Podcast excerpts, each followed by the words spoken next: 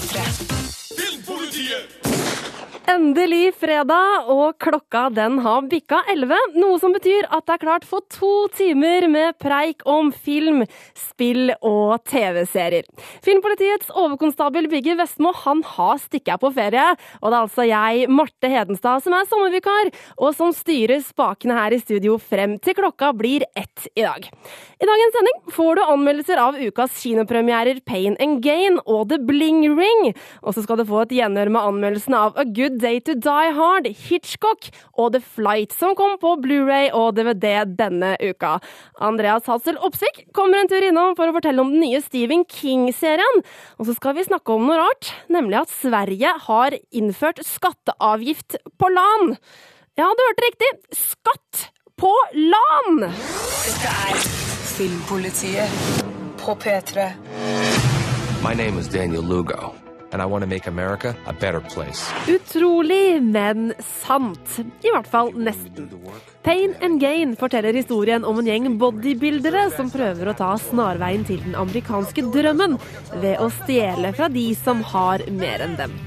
Det går selvfølgelig skeis, og ender opp som en vill beretning om kidnapping, penger og drap. Filmen er basert på en serie nyhetsartikler fra Miami New Times på 90-tallet om bodybuilderbanden som forsøkte å robbe rikinger for penger. Men manusforfatterne har tatt seg noen friheter for å gjøre historien enda mer utrolig enn den virkelig var. Actionkomedien har sine høydepunkter og fikk meg til å flire godt flere ganger, men filmen hadde hatt godt av en ny runde i klipperommet. For som så ofte skjer når Michael Bay har regi, så ble det litt for mye av det gode også denne gangen. you doing on the ground? Well, it's supposed to hurt. It's called pain and gain, Rusty. Don't be a little bitch. Mark Wahlberg spiller Daniel Lugo, personlig trener ved Sun Gym i Miami. Sammen med Dwayne Johnson i rollen som den tidligere kokainavhengige og nyfrelste Paul Doyle, og Anthony Mackie som Adrian Doorball, en mann med peniskomplekser og sansen for store damer, legger Lugo en plan om å bortføre rikingen Victor Kershaw for å tvinge ham til å gi fra seg formuen sin. Lugo, Doyle og Doorball er muskelmenn som fremstår som parodier på bodybuildere som ikke er fullt så smarte. Og Dwayne Johnsons rollefigur Doyle er spesielt latterlig, ettersom han er en enkel og svært naiv sjel i en stor og muskuløs kropp. Johnson og resten av gjengen er morsomme for all del, men rollefigurene er overhodet ikke troverdige. Noe som er litt merkelig, ettersom de tross alt er basert på virkelige personer. Pain and Gain er velpolert og flott, men som for å kompensere for at dette er Michael Bays billigste film siden Bad Boys i 1995, er det mye som skjer i løpet av de drøye to timene filmen varer. Og pga.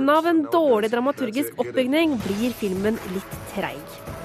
I ettertid så fant jeg ut at noen av actionsekvensene i filmen aldri har skjedd i den virkelige historien, men kun er oppspinn fra manusforfatternes side for å gjøre handlingen enda sprøere, og disse scenene kunne med fordel ha vært klippa bort.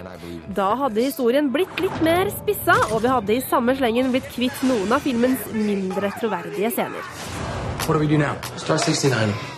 You want have sex with me? Når det er sagt, så er Pain and Gain en relativt underholdende film. Og er du opptatt av trening og kropp, så er det nok mye du både kan kjenne deg igjen i, men også le av i denne filmen. Mark Wahlberg og Dwayne Johnson er en artig kombo, og hvis du har sansen for Michael Bays filosofi om at jo mer av alt, jo bedre er det, så kommer du til å kose deg med Pain and Gain. Hey, little buddy, you hungry?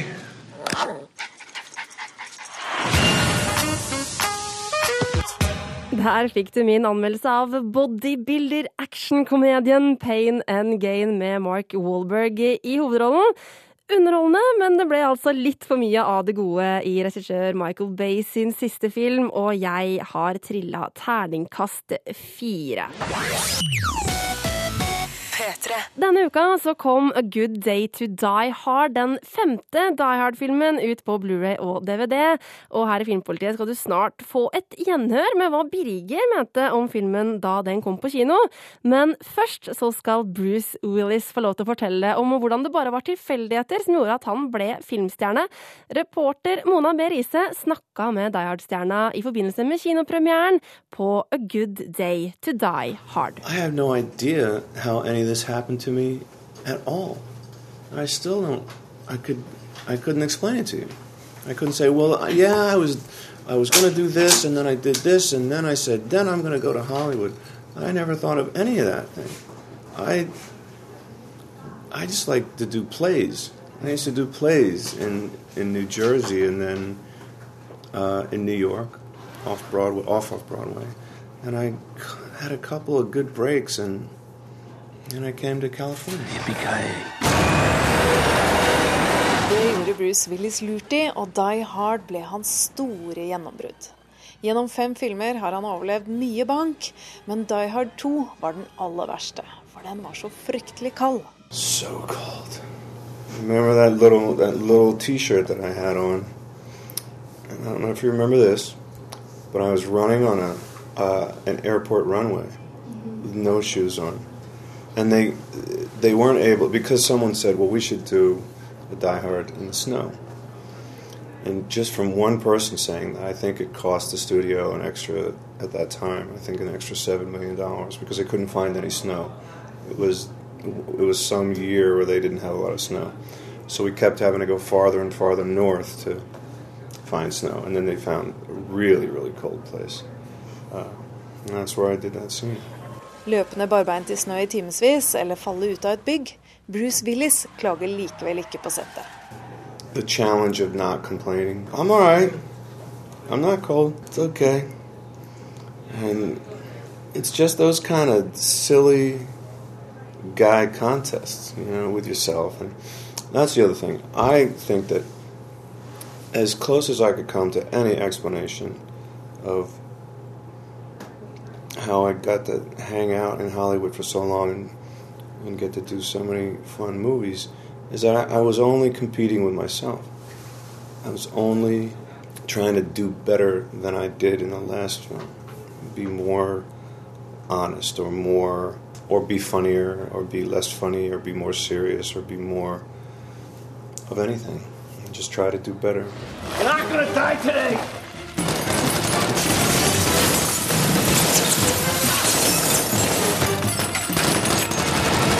Her hørte du Bruce Willis fortelle at det kun har vært hardt arbeid og tilfeldigheter som har gjort ham til stor stjerne.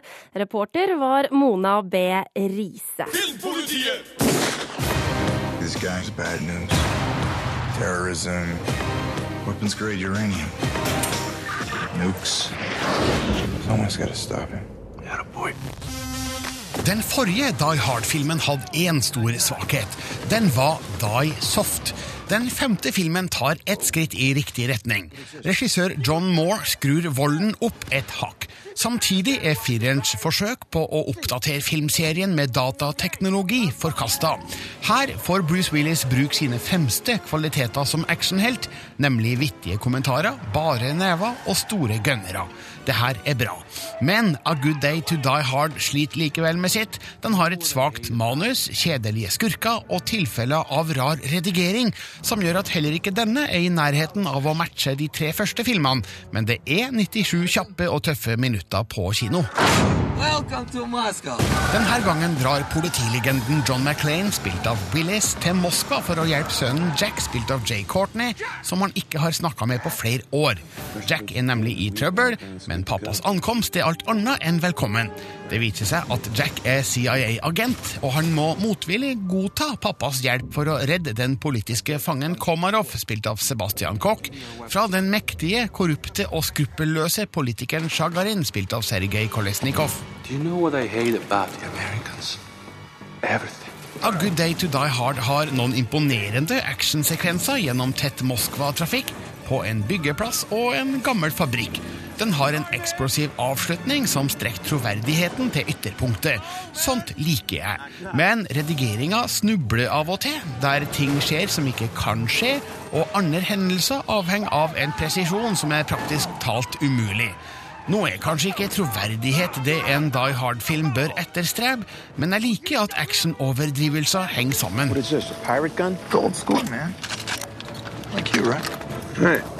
Let's go kill some scumbags. Skurkene i denne filmen har ikke den sjarmerende karismaen som henholdsvis Alan Rickman, William Sadler og Jeremy Irons hadde i de tre første. De mangler særpreg og personligheter. De blir rett og slett kjedelige motstandere for far og sønn McLean, og er seriens desidert svakeste bad guys til nå. Manuset av Skip Woods er heller ikke det mest medrivende. Det handler om å komme seg fra punkt A til B til C osv.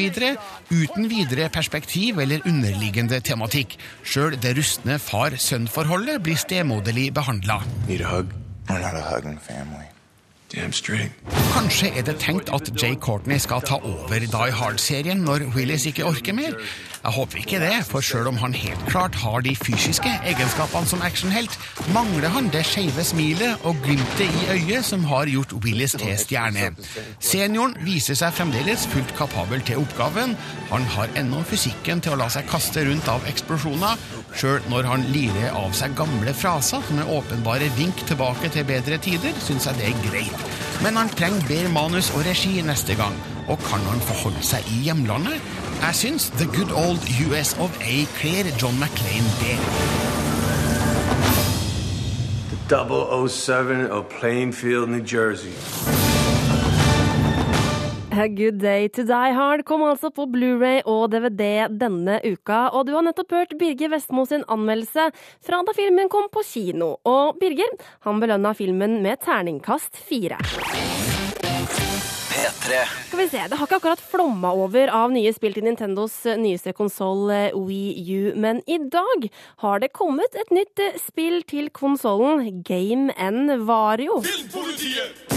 Andreas, du har jo anmeldt eh, det spillet her. Velkommen til studio. Jo, takk, takk. Du, altså Da jeg hørte at det skulle komme et spill eh, til Wii, eller Wii U som handla om Vario, så ble jeg veldig happy, for at han er en av mine favorittfigurer fra Nintendo-universet. Jeg digger at han er sånn grisk og antiheltaktig. altså, han, har, han har jo alltid vært et sånn motstykke til Mario, som da igjen er den derre kjempesnille helten som ja. alle fik, fikser alt. Ikke sant. Men hva for et spill er det Vario byr på denne gangen, da? Nei, eh, Han har jo eh, alltid vært litt en sånn andre, andreklasses figur under Mario, men på de håndholdte konsollene spesielt, så har han hatt eh, en serie spill som heter WarioWare eller WarioWare, eller hvordan du vil uttale det. Og det her er egentlig da videreføringen av den serien, eh, en masse, som stort sett har vært en masse småspill, sånn mikrospill, kaller jeg det sjøl. Um, og det er, da, det er, da, tatt i gang, og, og satt i gang med det første spillet sitt på Wii U. Ja, så det er på en måte sånn partyspill? Ja, det var det en på en måte kan forvente seg. At det er et spill som jeg kan sitte og spille en kveld uh, mens en spiller sammen med vennene sine. Men uh, ja, jeg vil ikke si Jeg vil ikke strekke det så langt. For det først og fremst så, virker det her som et sånt, litt sånn sammenraska mange forskjellige ideer uten en god, helhetlig uh, tanke. Ok, Så det er bare masse småspill som ikke henger sammen i det hele tatt, rett og slett. Men er det noen gode elementer i, i spillet, da? Det er et par enkeltspill her som er litt interessante, i det minste. Som hovedsakelig er spillet ment til å vise hva gamepaden, den håndholdte skjermen til Nintendo Wii U, kan gjøre. Og det er blant annet litt sånn spill som går inn i en sånn metatankegang. Der du spiller en figur som må prøve å skjule at han spiller på maskina si eh, for mora si. Og så sitter du da og spiller på gamepaden, men okay. må følge med på TV-en for hvis mora dukker opp, så blir du oppdaga og får husarrest. Det høres ut som at han driver med noe helt annet. Ja, det, det, ikke noe skittent. Her snakker vi bare spill. Nei, Men det var litt morsomt, altså. Ja, og så er det et spill som er litt sånn Det blir som et 3D, uh, 3D, Angry Birds, på en måte. Du skal skyte ut av en katapult noen små figurer og treffe noen skiver som er på bakken. Og det, det er det beste multiplayerspillet, da. Ja. Så det er fire multiplayerspill, og så er det en drøss med enkeltplayerspill.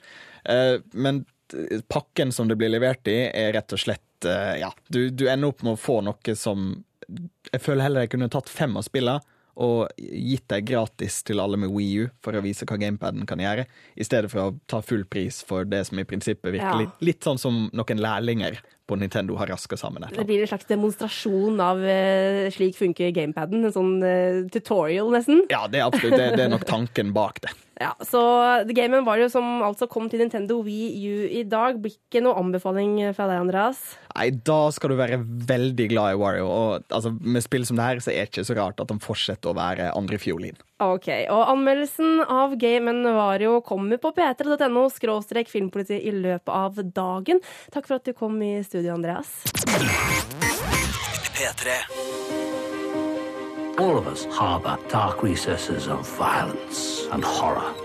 I'm just a man hiding in the corner with a camera, watching.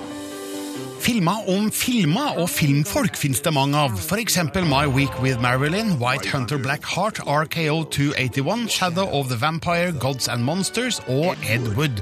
Men ikke alle er like gode som filmene eller folkene de forteller om. Det gjelder òg Hitchcock, som bruker en av filmhistoriens viktigste horrorfilmer som utgangspunkt. Resultatet er forunderlig hyggelig og ukomplisert.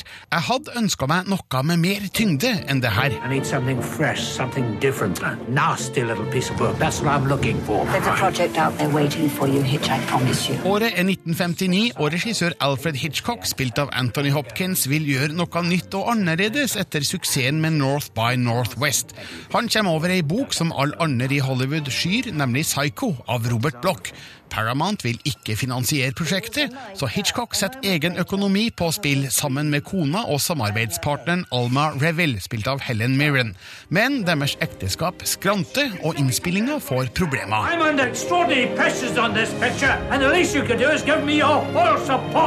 Jeg syns det er interessant å se glimt av hva som skjedde i kulissene under innspillinga av Psycho, men det er ikke fullt så spennende å følge Hitchcock og Reville på hjemmebane. Problemene i forholdet synes ikke å være særlig mye utenom det vanlige, og det skal ikke så mye til for å få det på rett kjøl igjen. Riktignok belyser filmen hvilken avgjørende betydning Reville hadde på ektemannens filmer, men det virker rett og slett litt lite å lage film om. Jeg skulle mye heller sett et sterkere fokus på filminnspillinga og intrigene som antydes der. Regissørens personlighet skal ha hatt sine mørke sider, men hans rykte og renommé blir ikke utfordra av denne filmen. Is there any improper suggestion of nudity? She won't be nude. Sasha Gervasi debuterte som regissør med fantastiske Anvil, The Story of Anvil, dokumentarfilmen om 80-tallsbandet som aldri slo igjennom. Hans spillefilmdebut viser at han nå er i full stand til å portrettere historiske personer og begivenheter. Anthony Hopkins fremstår som en ganske troverdig Hitchcock med korpulent kropp og karikert ansikt. Det tar litt tid å venne seg til den tilsynelatende overdrevne makeupen, men Hopkins makter å gjøre han til en ekte figur. Ellers greier Scarlett Johansson å være filmstjernete nok som Janet Lee, Jessica Biel likeså som Vera Miles, mens James Darcy er imponerende lik Anthony Perkins. All skildringa rundt filminnspillinga virker troverdige og interessante. Just think of the shock value. Killing off your leading lady halfway through. You shouldn't wait till halfway through. Kill her off after 30 minutes. Fokuset på forholdet mellom Alfred og Alma er imidlertid litt for lett. Helen Mirren spiller som vanlig godt, men spenninga mellom dem blir ikke utforska særlig grundig. Jeg føler aldri at mye står på spill, og at det kanskje var en tabbe å fokusere så mye på det her. Men fans av Hitchcock og Psycho kan i det minste kose seg med et nostalgisk blikk på innspillinga, og det beste med hele filmen er at den kanskje kan få et nytt publikum til å stifte bekjentskap med Psycho og Hitchcocks andre klassikere. He may not be the easiest man to live with, but you're more entertaining than any of your plots. Det ble terningkast fire på Hitchcock fra Birger Vestmo da filmen kom på kino i mars, og nå er den altså ute på Blu-ray og DVD. Filmpolitiet. P3. Widescreen på radio. På tirsdag så begynner den nye serien Under the Dome på TV2, og Andreas han har sett den første episoden av serien. Under the Dome, altså, basert på en roman av Stephen King. Andreas, du har sett første episode. Eh, King er jo sendt som en eh, filmskaper som har adopsjoner, eller fått laget adopsjoner av bøker som 'Frihetens regn' og 'Den grønne mil'. Hva, hva for en eh, serie er Under the Dome? Hovedpoenget i Under the Dome er det, det, Fra den grønne mil så er det kanskje bort til den litt mer skumle delen, selv om det ikke det, det er ikke skrekk, men det er i hvert fall litt mer sånn thriller-skummelt. Ok, ja. Men uh, grunnpremisset er at uh, det er en uh, helt vanlig, rolig småby i USA som heter Chesters Mill. Uh, før en dag plutselig det kom en gigantisk dom, en stor kuppel, gjennomsiktig kuppel, og legger seg over hele byen. Eh, det er jo akkurat det samme som i The Simpsons Movie! Ja, det, det, det har faktisk Stephen King eh, Han har sagt sjøl òg. Han har blitt opplyst om at det er det samme, men han, han, forsikrer, han forsikrer alle om at det her er basert på en gammel idé Eh, som jeg hadde på 80-tallet, før han så skrev boka da i 2009, to år etter at The Simpsons Movie kom ut. Ja, Så er interessant nok, for så vidt. Vet vi grunnen til denne svære domen, eller? Nei, det er det vi ikke veit uh, enda. Som sagt, jeg har bare sett første episode, så det, det, jeg kan ikke konkludere med noe som helst. Mm. Men eh, det, det er veldig lovende, det vi har sett, altså. Ja. Eh, og vi, det der mysteriet med den kuppelen er for så vidt eh, Altså, vi veit ikke om det er overnaturlig, eller om det er romvesen, eller om det er teknologi. Mm. Altså, Sikkert med mindre en ikke har lest boka, noe jeg ikke har. Men eh, det, det som det foreløpig fokuseres mest på, da, er ikke nødvendigvis eh, altså hvorfor denne kuppelen kom, men det er veldig mange situasjoner som går på hvordan, eh, hvordan folk reagerer på det, og hvordan Ja. det påvirker menneskene inni da, denne kuppelen. Litt sånn som eh, zombieapokalypsen i The Walking Dead. Det er liksom bare det er tilfeldig at serien er satt i en postapokalyptisk verden, på en måte. Ja, det er litt sånn, og det er for så vidt En, kan, en kan finne mange sammenligninger til Lost òg, for eksempel. At en har det der mysteriet, og så er det mange mennesker som har eh, tilknytninger til hverandre, som da Mm. blir påvirka av det her. Ja. Og det er for så vidt ikke rart at uh, Lost-sammenligningen er der, siden det er serien er utvikla og skreven av Brian K. Vaughan. Som òg skrev manus på Lost i eh, de siste, siste sesongene, i hvert fall. Ja, Det her høres jo veldig spennende ut, Andreas. Eh, Førsteinntrykket, tror du det her kommer til å bli en eh, serie som er verdt å fortsette å følge med på? Ut fra den første episoden så syns jeg absolutt det. altså. Det er lovende, eh, og det er nettopp det mysteriet som ligger i bunnen, mens det samtidig er da eh, fokus på de mellommenneskelige forholdene, som gjør den interessant. Og så ser det veldig flott ut. Det er godt laga, det ser ut som det er putta penger inn i det. Og da i kombinasjon med en eh, masse skuespillere vi kjenner fra andre TV-serier, så er det absolutt verdt å sjekke ut. Under the Dome har altså premiere på TV2 på tirsdag, men ligger allerede i TV2 eh, Sumo. Eh, Vi skal følge med på serien, og det kommer vel sikkert en anmeldelse etter hvert, eh, kan jeg tenke meg.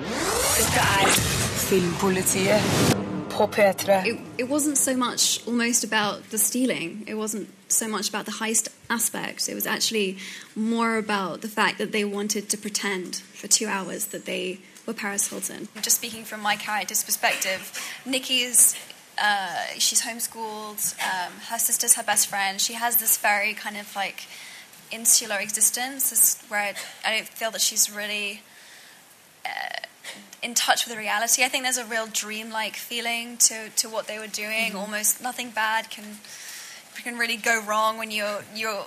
It just doesn't feel when it just doesn't feel real. So I think they there's a certain extent to which they didn't really it didn't it didn't feel like it was really happening like they didn't really Her hørte vi altså Emma Watson som fortalte om den nye filmen The Bling Ring, da den ble vist eh, på filmfestivalen i Cannes i mai. Og straks så skal vi få høre Birger Vestmo sin anmeldelse av The Bling Ring, som handler om en gjeng med ungdommer som lever i Hollywood og finner ut at de skal rane hjemmene til kjente stjerner, blant annet Paris Hilton. P3. This morning, we are going to make vision boards about people who are demonstrating good character, like Angelina Jolie. What qualities do you guys admire about Angelina Jolie? Her husband. Anything else? Her hot bod. The Bling Ring er kanskje ingen ny Lost in Translation, men det er en vittig skildring av grunn ungdom i Los Angeles. Filmen er en kommentar til det meningsløse kjendisjaget, der utseende, bekledning og besmykning er det store temaet. Sofia Coppola forteller en historie basert på sanne hendelser, men holder seg på overflata.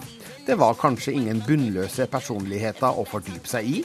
I just think we wanted to be a part of like the lifestyle, the.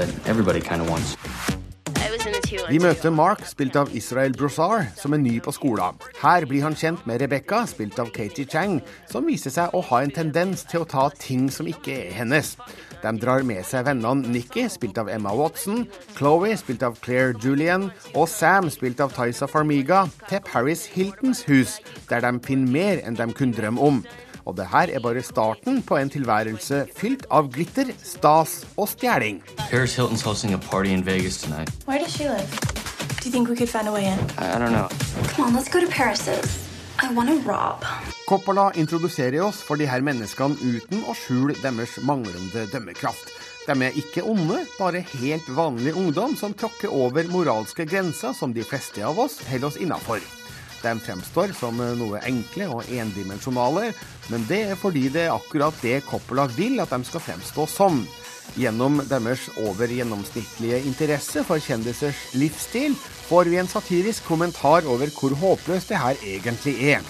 Gjennom gjengens forbrytelser, som etter hvert gir dem sjøl mulighet til å promotere egen person, kommenterer Coppola det bisarre i måten vi konsumerer nye medier på. It all comes back to like bad choices. Who you have as your friend. Can't take her dog. But he likes me. The Bling Ring fortelles kjapt og effektivt i løpet av 90 minutter og har ikke noe dødtid overhodet. Sofia Coppola fremstår som en tydelig filmskaper som har et godt grep rundt regien og med kalkulerte prestasjoner fra sine unge skuespillere. Det er spesielt morsomt å se Emma Watson utvikle seg stadig mer og distansere seg fra sin signaturrolle. Det er ikke mye Hermine igjen når vi ser hun som Nikki.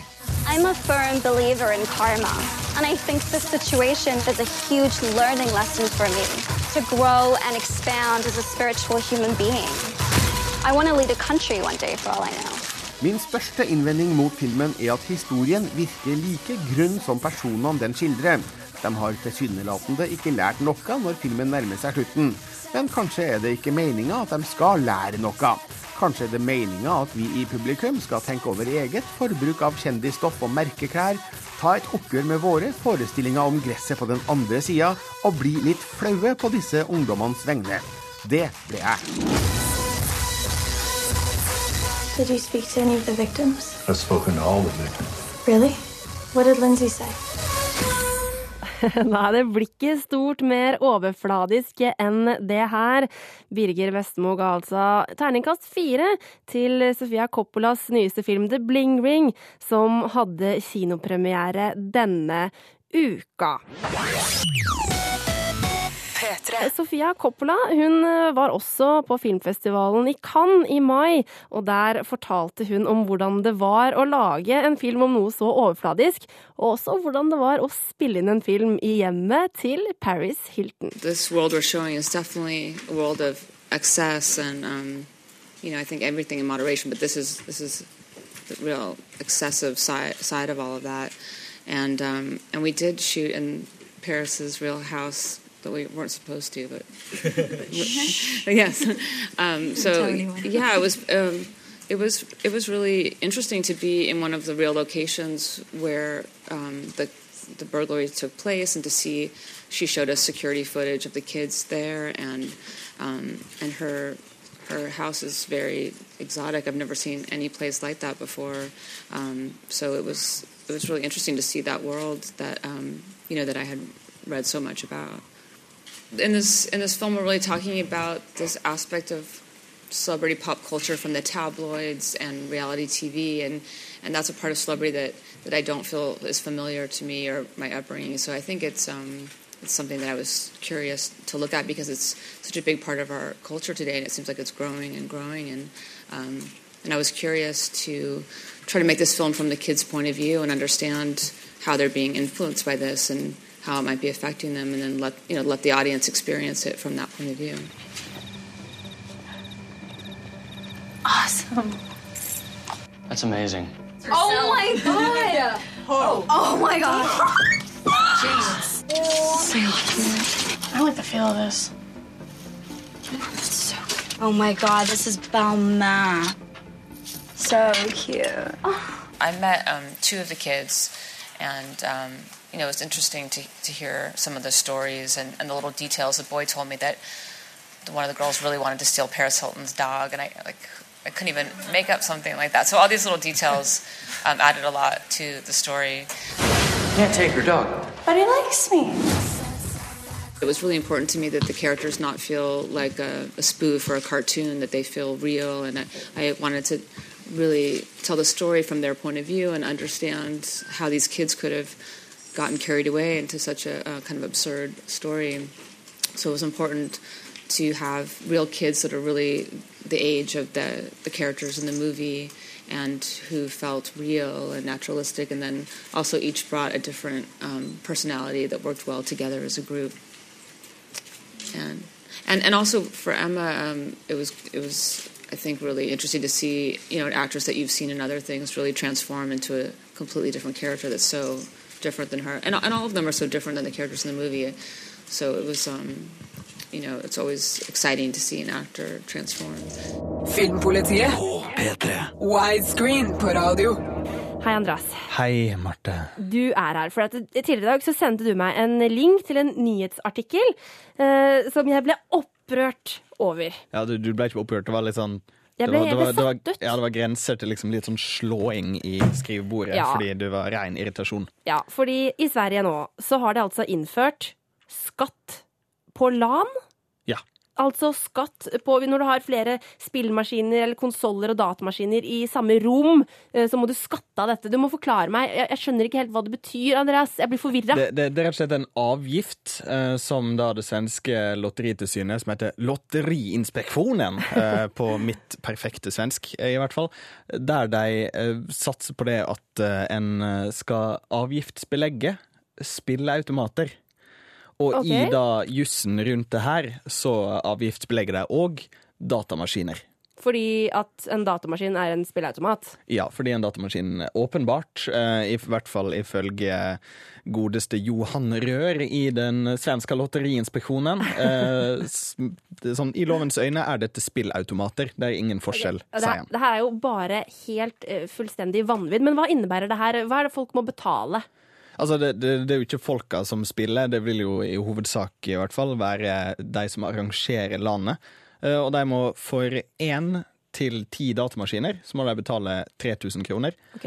Eh, For, å og for større antall datamaskiner, 11 til 25, må de betale 10 000 svenske kroner. Og for 26 eller flere så må de betale 35 000 kroner. Og da tenker jeg, um, Sverige har verdens største LAN-party, Dreamhack, eh, der det er sånn cirka eh, 5200 deltakere med, og da stort sett ca. cirka det samme antallet datamaskiner.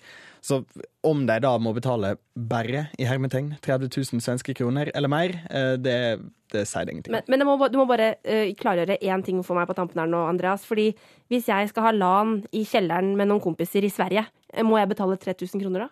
I utgangspunktet må du faktisk det. Må jeg faktisk det? Eh, det, det kan, fordi den, den skiller ikke sånn i utgangspunktet mellom uh, ulike tillatelser. Så det var, i, i Sverige nå så var det da et, et um, selskap som heter Inferno Online som måtte betale 30 000 svenske kroner. Og okay. de ble tvunget til det, eller trua med anmeldelse. Ok, Det er, det er vanvidd. det er vanvidd. Hva er det, hva er det vi sier? Altså, vi sier jo 'jeg er ikke sjuk, jeg er bare svensk'. Ja, Ja, Nå får de ta seg sammen, altså. Dette er Filmpolitiet på P3. I Filmpolitiet nå så skal vi få et lite gjenhør med Birger Vestmo sin anmeldelse av filmen Flight, som kom på kino i januar. For denne uka kom den nemlig ut på Blu-ray og DVD. Good morning, ladies and gentlemen. I'm Captain Whitaker. I'm gonna ask you just to stretch out and relax. Have you on the ground in 40 minutes. Denne filmen inneholder scener som vil sjokkere sjøl den mest garva flypassasjer. Men det handler ikke først og fremst om hva som kan skje om bord i et fly. Det handler om hvor langt en mann er villig til å gå for å leve ut en livsløgn. Ikke bare i forhold til omgivelsene, men òg i forhold til seg sjøl. Filmen kunne nok engasjert meg mer, men Denzel Washington er praktfull i en vanskelig hovedrolle som vekker både sympati og avsky hos meg. How you feeling, man? You saved a lot of lives. The plane fell apart at 30,000 feet. Flykaptein William Whip Whittaker, spilt av Washington, redder mange liv med en spektakulær nødlanding. Han omtales som en helt i media, men den interne etterforskninga avdekker forhold som likevel setter han i et dårlig lys. Det her kan få alvorlige følger for han, til tross for dåden, men Whip gjør sitt ytterste for å dekke over det faktum at etterforskerne kan ha et poeng. Why do we need a lawyer? You don't remember having your blood drawn the night of the crash? You had alcohol in your system. That could be life in prison. Det er kanskje perverst, men jeg fascineres av programmer som Flight Crash Investigation på Discovery Channel. Jeg trodde Flight skulle være i samme gate, men det viser seg i stedet å være et menneskelig drama spunnet rundt tematikk altfor mange kjenner til. Det etableres tidlig i filmen at det handler om ulike former for avhengighet, og hvordan det ødelegger relasjoner. Jeg liker skildringa av hvordan Whip finner en sjelevenn i Nicole, spilt av Kelly Riley, som forsøker å komme seg vekk fra heroinhelvete. Deres samtaler avdekker hvor store utfordringer de står overfor. I want to talk about the days leading up to the accident. Does he know he's going to jail? It's a lie. Jeg liker ikke John Goodman i denne filmen. Hans figur er sterkt karikert og overdrevet, og det virker nesten som om regissør Robert Zemeckis forsøker å fargelegge livet som langer. Goodman later til å tro at han er med i en kul komedie, og får det til å skurre i hver scene han er med i. Pressens rolle i historien er òg merkelig. Det tar f.eks. 40 sekunder fra kapteinen oppdages utafor et hus, til det er omringa av et kobbel med journalister og ti TV-biler med fiks ferdig satellittlink. Og de får lov til å intervjue flyets styrmann like etter at han har kommet ut av koma. Slike detaljer er med på å minske hele filmens troverdighet. Men skildringa av avhengighetens løgner er høgst troverdig. Denzel Washingtons figur nekter å innrømme fakta, sjøl om han sjølsagt veit hvordan ting henger sammen. Tittelen Flight henspeiler ikke bare på luftfart, men på en person på flukt fra sannheten om seg sjøl. Kan han nødlande seg sjøl like godt som han kan med fly? Denne reisa gjør Flight til en interessant film.